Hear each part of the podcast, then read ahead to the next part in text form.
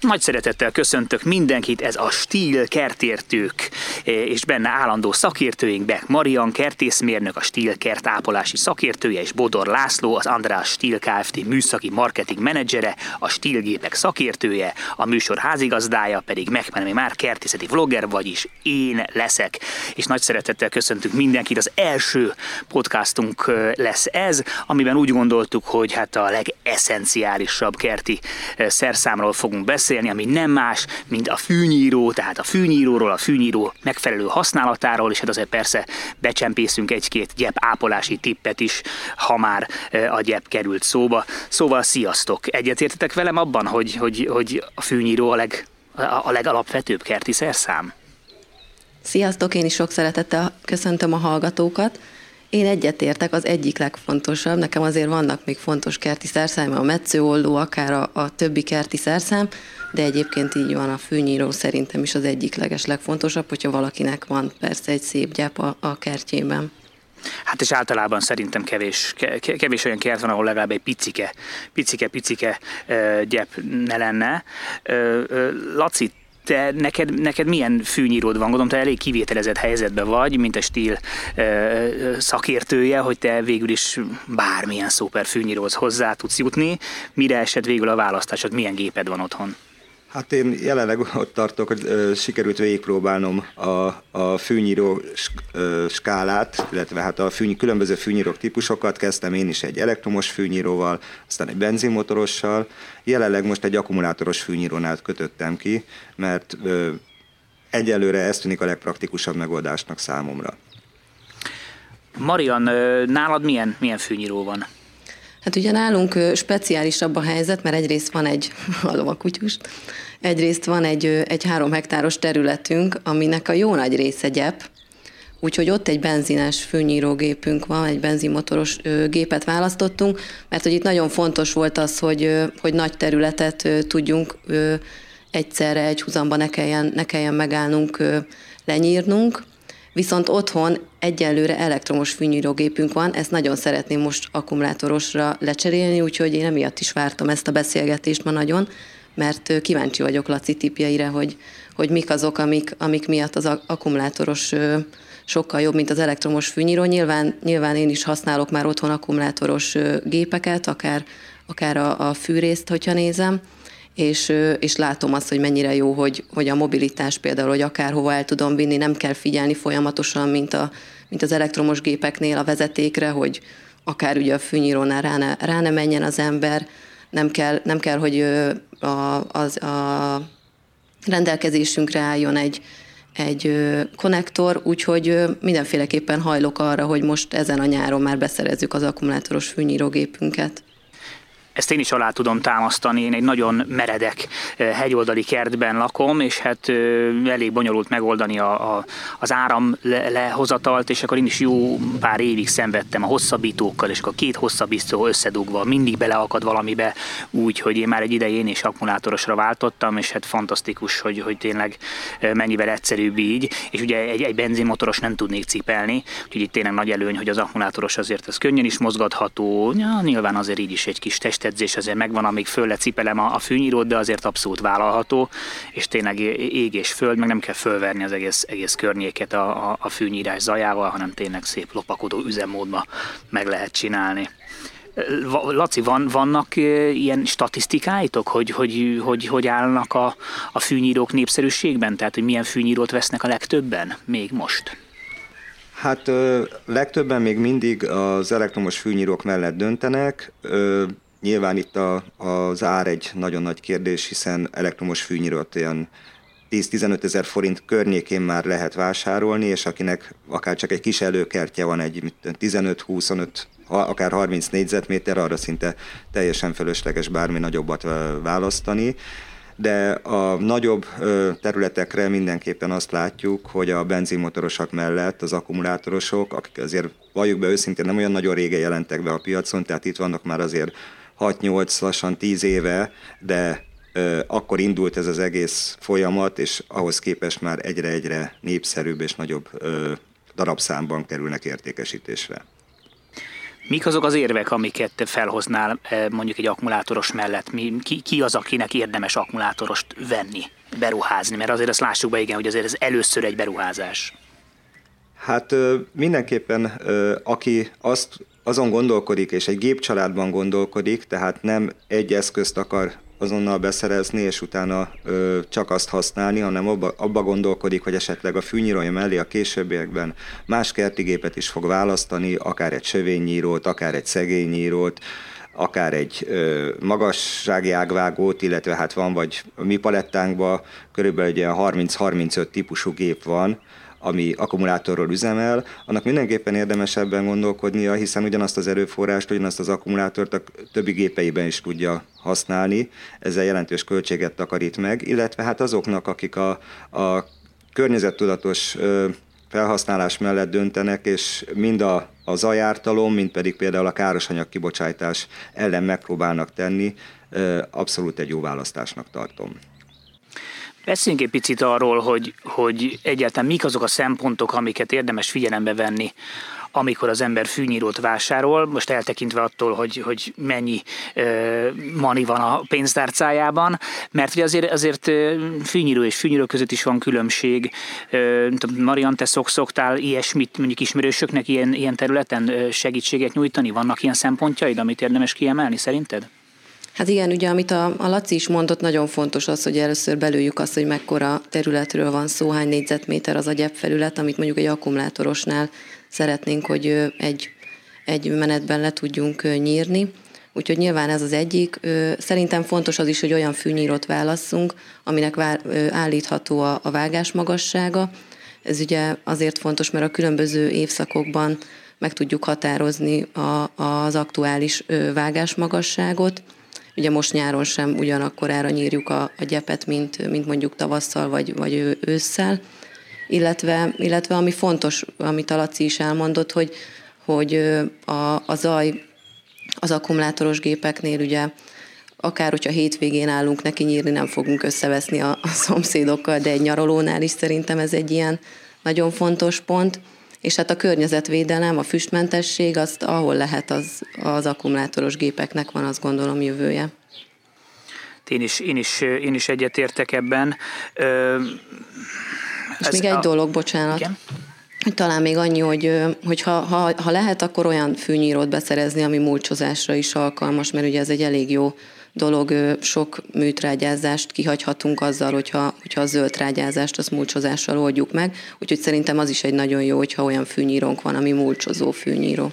Na, álljunk is meg itt, a két, két kérdésem is lenne ezzel kapcsolatban. Egyrészt, hogy miért említetted a, a magasságot, hogy milyen, milyen magasra uh, ildomos hagyni a füvet, ez, ez miért fontos, milyen szempontok miatt? Hát egyrészt ugye nyáron azért fontos, mert hogyha nagyon alacsonyra nyírnánk a gyepet, akkor nagyon könnyen megégeti a forró napsugárzás. Viszont, hogyha túl magasra hagyjuk, akkor, akkor pedig ugye bepenészedhet, be, bepunnyad, az sem, egy, az sem egy ideális megoldás. Nyáron egyébként olyan 4-5 cm-nél nem szabad alacsonyabbra nyírni a gyepet, úgyhogy a regeneráló képessége miatt fontos ez, ez a gyepnél hogy, hogy mekkorára nyírjuk, és hát ami még egy ilyen aranyszabály, hogy, hogy károsodás nélkül egyszerre nagyjából a fűszálak egyharmada vágható le. Tehát, hogyha valaki elutazik pár napra, bár most ez pont nem aktuális annyira ezen a nyáron valószínűleg. De bízunk benne, hogy azért előbb-utóbb majd megint aktuális lesz. Legyünk Így optimisták.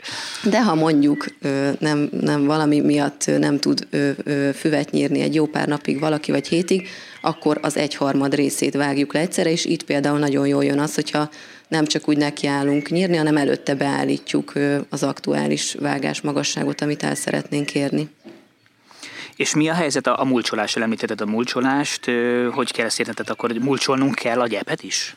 Hát bizonyos időközönként érdemes, mi is úgy szoktuk, hogy két, két alkalmat összegyűjtjük a, a levágott füvet, kettőt viszont mulcsozásra visszajuttatunk ugye a, a talajba. Ez egy nagyon jó kis zöld trágya a gyep számára, és ugye a, a levágott gyebben megtalálható mikroelemek, makroelemek, azok visszajutnak a talajba, tehát ezzel frissítjük egy kicsit a, a, a tápanyag tartalmát a talajnak.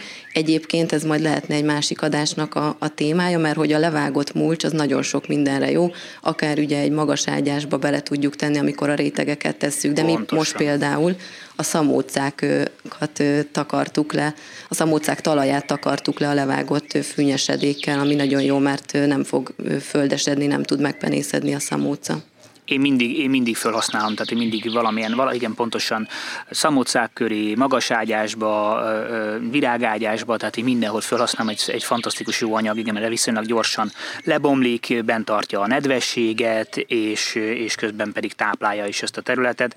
Úgyhogy nem is értem azokat az embereket, akik ezzel, e, e, akiknek ez probléma, azokról nem is beszélve, akik esetleg bezacskózzák a fűnyesedéket, és kidobják az út szélén. Na ez, amit egy, egy, egyáltalán nem tudok fölfogni, hogy ilyet miért csinál valaki, de ez mindegy, ez egy teljesen másik, másik téma, csak egy nagy-nagy uh, szívfájdalmam. Így van, és egyébként ami még kimaradt, hogy például a szamócánál is nagyon jól ö, ki tudjuk vele a gyomokat ö, ö, űzni a kertből, mert, mert ugye amikor letakarod csak, a, csak például a szamócát, vagy akár egy veteményesben csak a, a fűszernövényeket, zöldségeket hagyod, hagyod a, a mulcs körül, és a gyomok azok pedig, mivel nem kapnak fényt, a legtöbbjük szerencsére ott marad alatta. Bizony, csak ugye ehhez az nagyon fontos már, mint hogyha a gyepnél ö, hagyjuk ott a, a fűnyesedéket, hogy ahogy, ahogy mondtad is, hogy nem lehet csak az egyharmadat, egy picike lehet csak, ugye ezek a robot fűnyírók is azért működnek, úgyhogy nem kell nekik fűgyűjtő, ha jól tudom, mert ugye, ugye mindig csak egy nagyon picit vág le belőle, és az le tud bomlani. Nyilván, ha ott hagyunk egy, egy másfél centis fűnyesedéket, az, az, az nem fog jót tenni a gyepnek.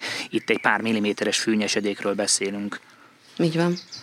Meg az is nagyon fontos még egyébként, én nagy, nagy ö, ö, ö, szószólója vagyok a, a szerves tápanyag használatnak a műtrágyázással szemben, mert az a tapasztalatom, hogy ha műtrágyázzuk a gyepet, akkor nagyon le tudjuk gyengíteni, vagy akár teljesen el tudjuk pusztítani a, a gyepben lévő mindenféle mikroorganizmusokat, és ugye ezek kellenek ahhoz, hogy például ez a megfelelő ö, ö, korhadás és komposztálódás elinduljon, és hogyha, hogyha hát tulajdonképpen viszonylag élet víztelen talajban van a füvünk, akkor sokkal nehezebben fog lebomlani az a fű, és akkor viszont ott marad, és lesz belőle egy ilyen, egy ilyen gyepfilc. Tehát én ezért is azt támogatnám, hogy aki teheti, az, az, az szerves tápokat használjon, és ne a füvet táplálja, hanem a talajt. Ez nagyon-nagyon fontos.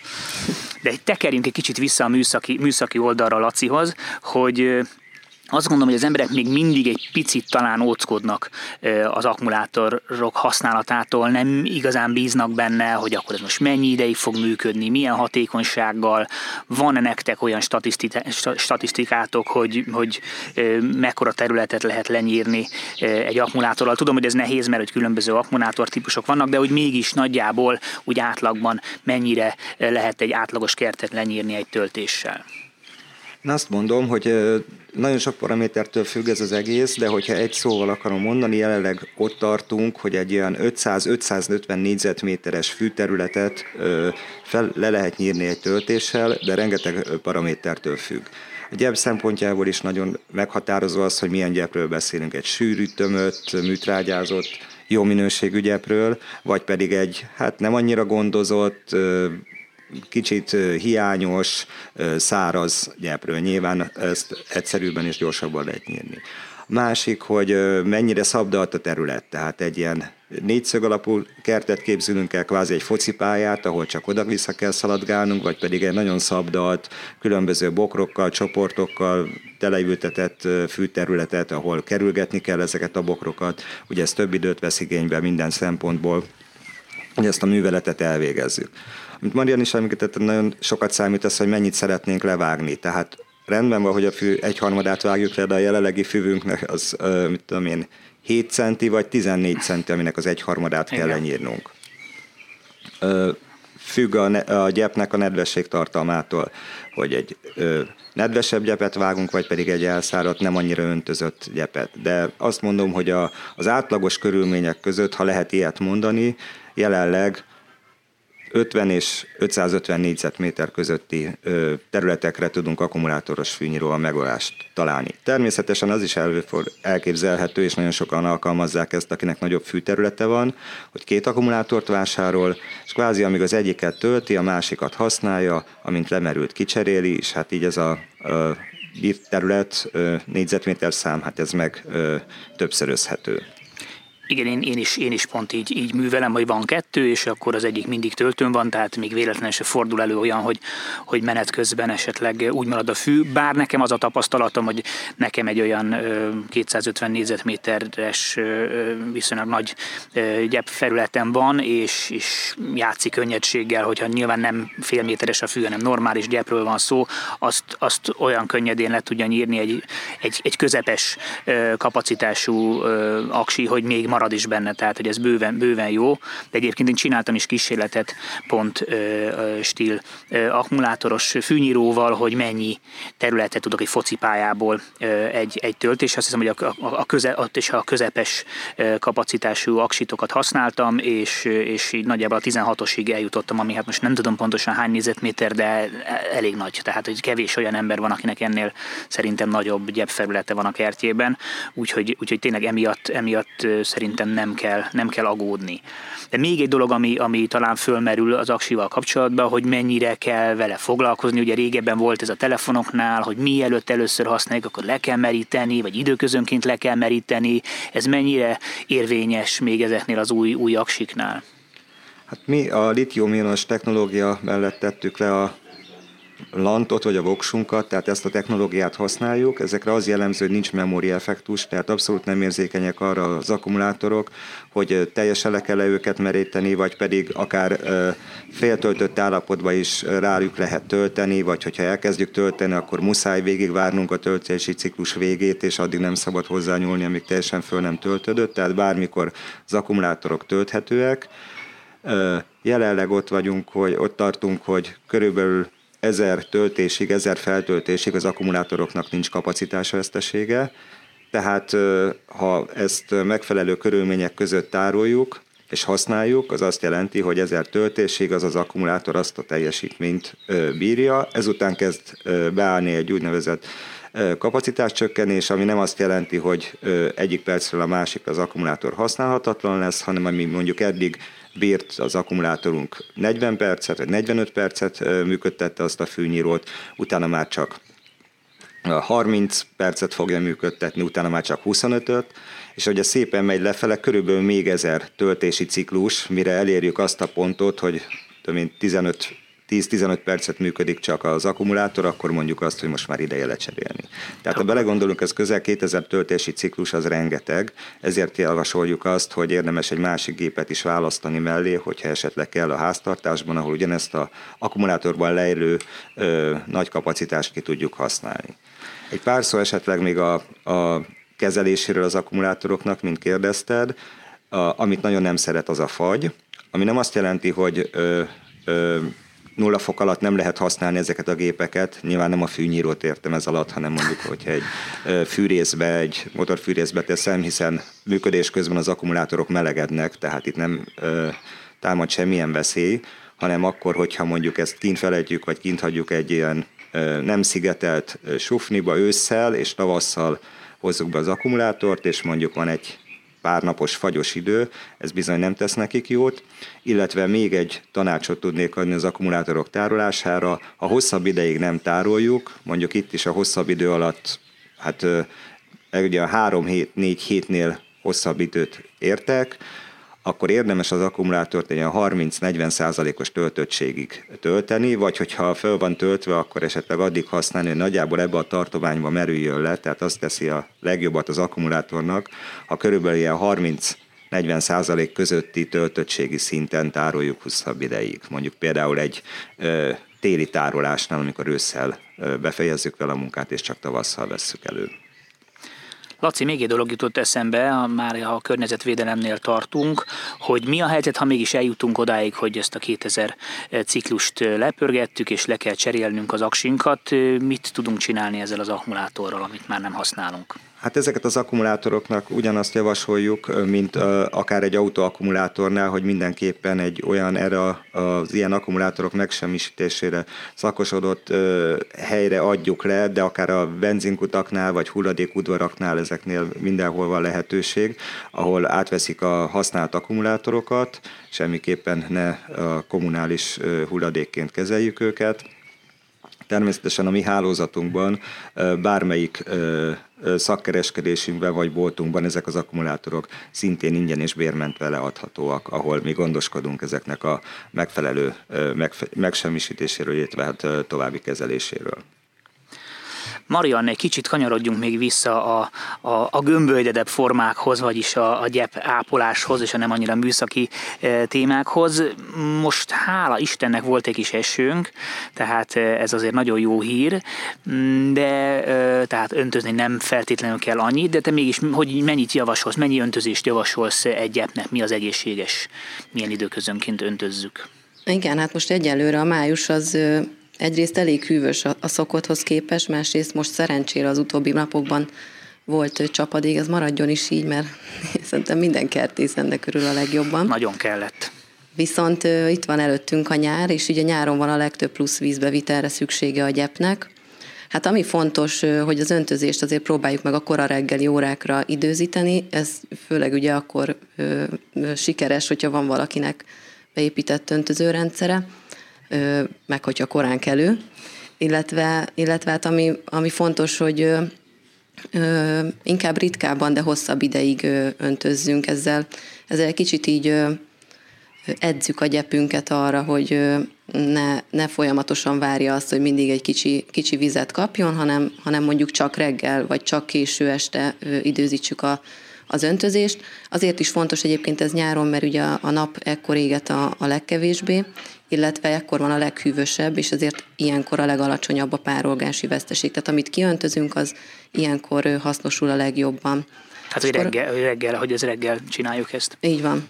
Uh-huh. Ö, a, ami még fontos talán, hogy amikor majd 30 fok felett lesz a, a hőmérséklet, akkor olyan heti 4-5 alkalommal öntözzünk, és amikor 35 fok fölé emelkedik, akkor van azért az, hogy, hogy minden nap, hogyha nagyon nagy a kánikula, nagyon nagy a szárazság, akkor akár egyébként reggel és este is öntözhetjük a gyepet.